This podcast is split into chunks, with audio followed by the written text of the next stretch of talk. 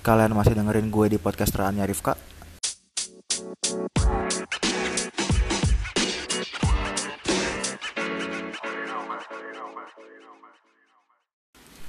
Jadi ini merupakan episode ke-6 dari podcastnya gue podcaster Anya Rifka. Eh BTW gue pengen ngasih disclaimer lagi ya uh, Tentang nama podcast gue Jadi basi Ini salah satu keresahan yang timbul aja sih Tapi bukan salah uh, kalian juga yang nggak bisa ada yang disalahin tentang hal ini gitu. Ya jadi nama podcasteran gue itu karena awalnya dari keresahan gue karena awalnya itu personal brand uh, jangan ke situ dulu. Uh, jadi podcasterannya Rifka itu berawal dari pencitraannya Rifka. Nah tapi setiap platform yang gue gunakan untuk berekspresi seperti playlist Spotify atau blog gue itu gue personal brandingkan dengan ya konsepnya dari pencitraannya itu. Karena ini platform di podcast ya udah gue namain nama podcast gue yaitu podcast terakhirnya Rifka. Berlaku juga di playlist. Nama playlistnya gue namanya gue namain playlist terakhirnya Rifka. Nah sedangkan tulisan-tulisan gue semuanya itu gue namakan dengan pencitraannya Rifka gitu. Tapi konsep konsep awalnya itu uh, apa namanya paradigmanya lah kerangka berpikirnya itu dari ya pencitraannya Rifka itu tadi gitu. Oke okay. back to topic apa gue kasih transisi dulu ya? Ya udah kasih transisi dulu aja ya.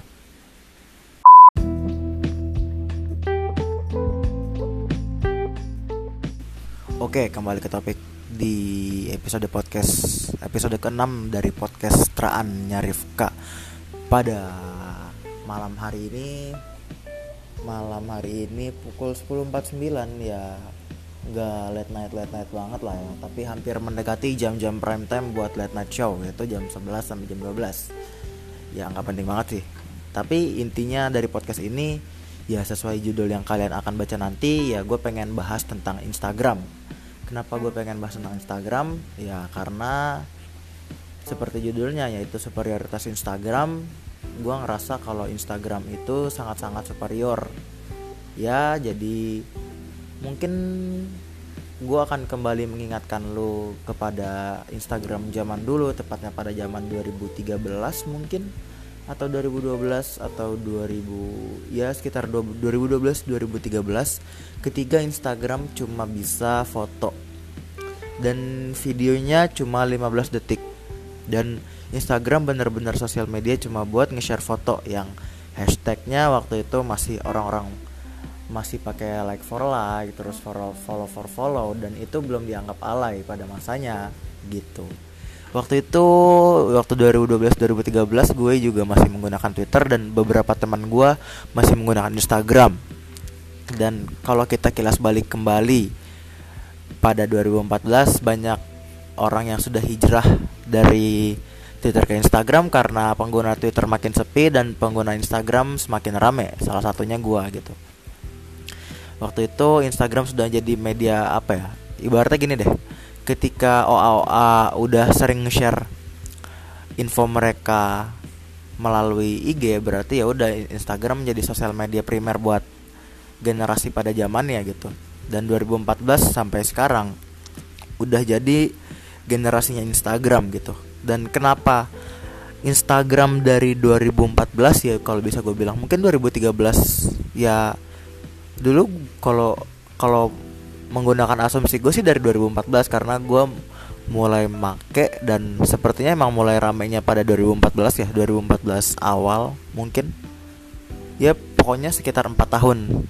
Dan hampir lima tahun menguasai sosial media primer yang dipakai sama orang-orang zaman sekarang dan dari kalangan umur gitu. Dan dari dan dari kalangan golongan dari golongan mana aja maksud gue dari golongan suku agama ras itu menggunakan Instagram sebagai salah satu primary sosial medianya. Dan kalau menurut gue mengalahkan pamor Facebook dan Twitter sendiri. Dan apa sih sosial media yang sekarang masih eksis? Mungkin di luar itu Aks FM mungkin atau kalau mungkin ekstrimnya lagi Tinder ya? Itu. Dan kenapa gue bilang Instagram sekarang superior sesuai judulnya? Ya karena pada 2018 ini Instagram berhasil, kalau menurut gue membunuh sosial media satu persatu gitu. Waktu 2014 kita gak kita sih gue ya mungkin lo juga. Lo masih pakai apa ya? Uh, apa sih namanya? Snapchat dan 2015 itu boomerang eh boomerang. Uh, foto yang PHA yang foto tapi hanya banyak. Nah itu dia. Gue nggak tahu gimana nyebutnya.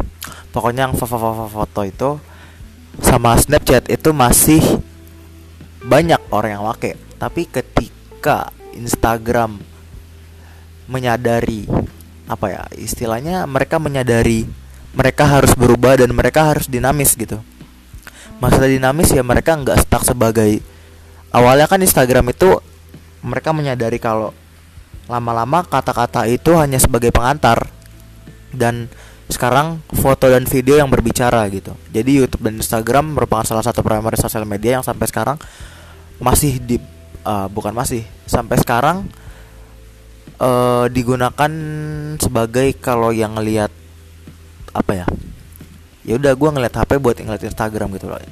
Uh, dulu kita ngeliat Snapchat gitu dan mulai 2000 berapa ya Instastory itu atau Snapgram muncul. Ya pokoknya ketika Instastory atau Snapgram muncul awal-awalnya orang-orang masih meragukan dan masih pengen pakai snap pakai Snapchat gitu. Masih keren Snapchat ah nah tapi lama-lama ya Snapchat hilang dengan sendirinya. Nggak hilang sih gue bilangnya ya pokoknya kalah pamor sama Snapgram atau Instastory lah karena Instagram lebih menawarkan paket lengkap yang disuguhkan oleh para stakeholder Instagram gitu maksud gue dan setelah Snapchat mereka berhasil membunuh foto-foto gitu. Uh, kenapa gue bisa bilang bilang membunuh? Ya karena foto ini yang paling signifikan gitu kehilangannya gitu. Awal-awal ya kita sempat banyak yang make dan nggak lama gitu foto cuma hitungan bulan bahkan gitu pamora gede tapi langsung uh, di intercept gitu sama Instagram kalau menurut gua. Karena Instagram uh, punya fitur bumerang. Dan bumerang ini bumerang bumerang ya pokoknya itulah. Sorry sorry kalau pronunciation gue salah. Ya lanjut.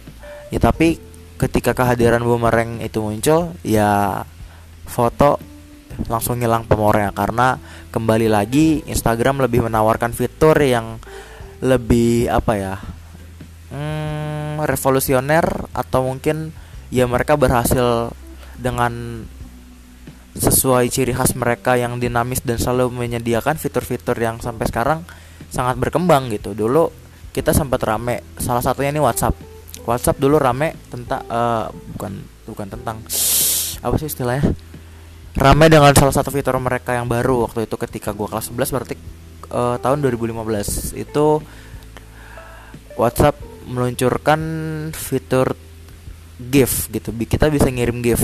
Dan sekarang Instagram juga ngeluarin fitur di GIF di kalau di DM ya di DM kita ketika DM DMan bisa ngirim GIF. Dan kalau bisa gue bilang Instagram nggak cuma superior tapi mereka juga berhasil sebagai pendengar yang baik gitu. Kenapa? Ya karena mereka sadar gitu kalau uh, kita sebagai pemakai sosial media atau penggunanya itu capek gitu kalau harus ya udah kita buka Instagram, ntar kita buka Snapchat, kita buka foto. Makanya Instagram uh, keluar dari zona nyamannya dan mendengarkan suara konsumennya dengan menyediakan fitur-fitur yang disediakan sama sosmed lain dan mereka akuisisi lah istilahnya.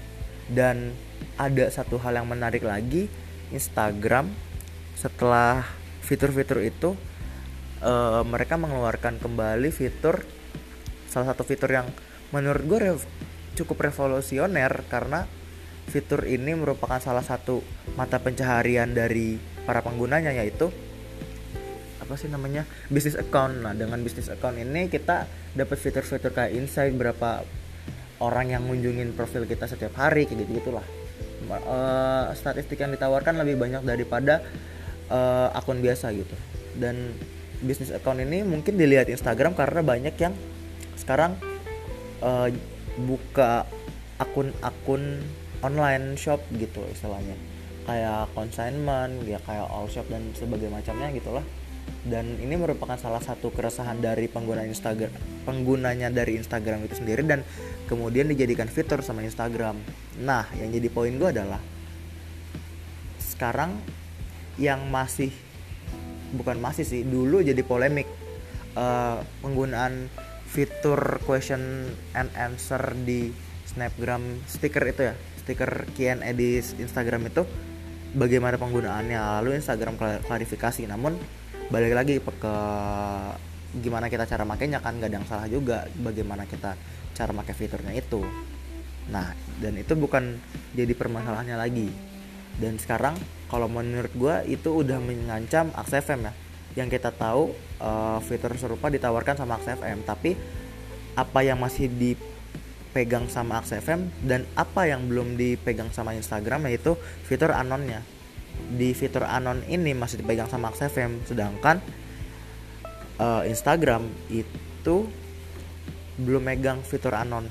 Nah uh, eh, gue kepo atau cukup apa ya cukup menunggu gitu istilahnya. Apakah Instagram cepat atau lambat akan meluncurkan fitur anon ini atau mengadakan lah istilahnya e, mengada-adakan fitur anonymous dari stiker Q&A yang selama ini dipakai uh, orang-orang pada umumnya gitu ya. Dan ketika ada fitur anonymous di Instagram gue yakin sih nasib Aks FM uh, itu usianya bentar lagi gitu. Akan menyusul pet dan foto uh, dan mereka akan menjadi ya sejarah lah istilahnya. Dan itu salah satu poin gue itu. Gue sampai sekarang masih penasaran fitur apa lagi yang akan dimunculin sama IG gitu. Dan kalau nggak salah ya fitur terakhir yang dikasih IG tuh fitur name tag gitu. Tapi fitur name tag ini gue belum tahu sih fungsinya buat apa gitu dan di gue juga nggak kepake. Terus apa lagi ya? Suara pesawat. Btw gue ngerekamnya di halaman teras atas rumah gue skip dulu ada suara pesawat. Nggak bisa di post ini gue nge-recordnya langsung dari anchornya. Oh ya btw kalau lo denger dari Spotify sebenarnya gue denger uh, apa ya dari anchor. Kalau lo penasaran kenapa bisa begitu dengerin di episode pertama gue gue udah gue jelasin panjang lebar. Dan lanjut. Hmm abis itu salah satu poin gue yang lain adalah uh, kalau menurut gue ya cara Instagram nge-reach para apa ya para penggunanya atau para pemakainya ini bisa diadaptasikan ke politik gitu atau ke pemerintahan. Karena ya sesuai apa yang gue omongin atau sudah gue argumentasikan tadi bahwa kalau Instagram ini merupakan salah satu pendengar yang baik gitu bagi para pemakainya gitu. Mereka mereka ini Instagram yang maksudnya? Instagram mendengar para uh, mendengar para pende, mendengar para pendengar atau rawat uh, maksud gue Instagram ini merupakan pendengar yang baik dalam aspek maksud gue gini loh uh, ketika apa ya kita para pemakai atau user dari Instagram ini punya sesuatu yang kita masih ribet atau belum praktis gitu makanya masih birokratif lah. Dan Instagram menyediakan hal itu gitu. Nggak lama kemudian. Sangat responsif sih kalau menurut gue dan ya hal itu juga yang seharusnya uh, diadaptasikan sama pemerintahan atau ya para organisatoris lah kepada organisasinya. Maksud gue gini ketika Instagram itu responsif gue nggak bilang kreatif ya tapi mereka sangat responsif untuk menyediakan fitur-fitur sehingga uh, Instagram berhasil bikin para penggunanya semakin nyaman dan yang belum nyaman narik mereka yang belum nyaman ini jadi zona nyamannya mereka gitu di Instagram. Nah itu yang seharusnya diadaptasi sama pemerintah gitu ya gue nggak bilang pemerintah Indonesia tapi ya pokoknya seluruh organisatoris pem, uh, pemerintahan dan segala macamnya gitu dalam mengelola sesuatu ya kita harus responsif gitu. Ya kalau bisa gue bilang parameternya segimana ya kita lihat aja kita berkiblat kepada Instagram. Karena ya seperti poin gue yang tadi ini sebenarnya muter-muter sih tapi ya nggak apa-apa. Kalau lo nggak ngerti ya udah. Tujuan muter-muter gue supaya memperjelas omongan gue gitu. Uh, kita kiblatkan sebagaimana responsif seharusnya para organisatoris para pemerintahan atau para pokoknya para golongan atau para ya para pengambil kebijakan di suatu apa ya lembaga instansi instansi institusi lah. Itu seresponsif Instagram gitu dan jadi pendengar yang baik gitu. Karena ya Instagram aja bisa kok uh, punya jiwa jiwa kepemimpinan yang baik gitu dan berhasil bikin para rakyatnya yaitu kita sebagai user Instagram ini nyaman gitu. Bahkan ada yang mata pencahariannya dari Instagram gitu. Bahkan orang-orang nggak orang-orang ya ya masyarakat di Indo ya mayoritas nggak mayoritas sih yang berpengaruh ya sumber mata pencaharian dari mata pencaharian mereka dari Instagram gitu.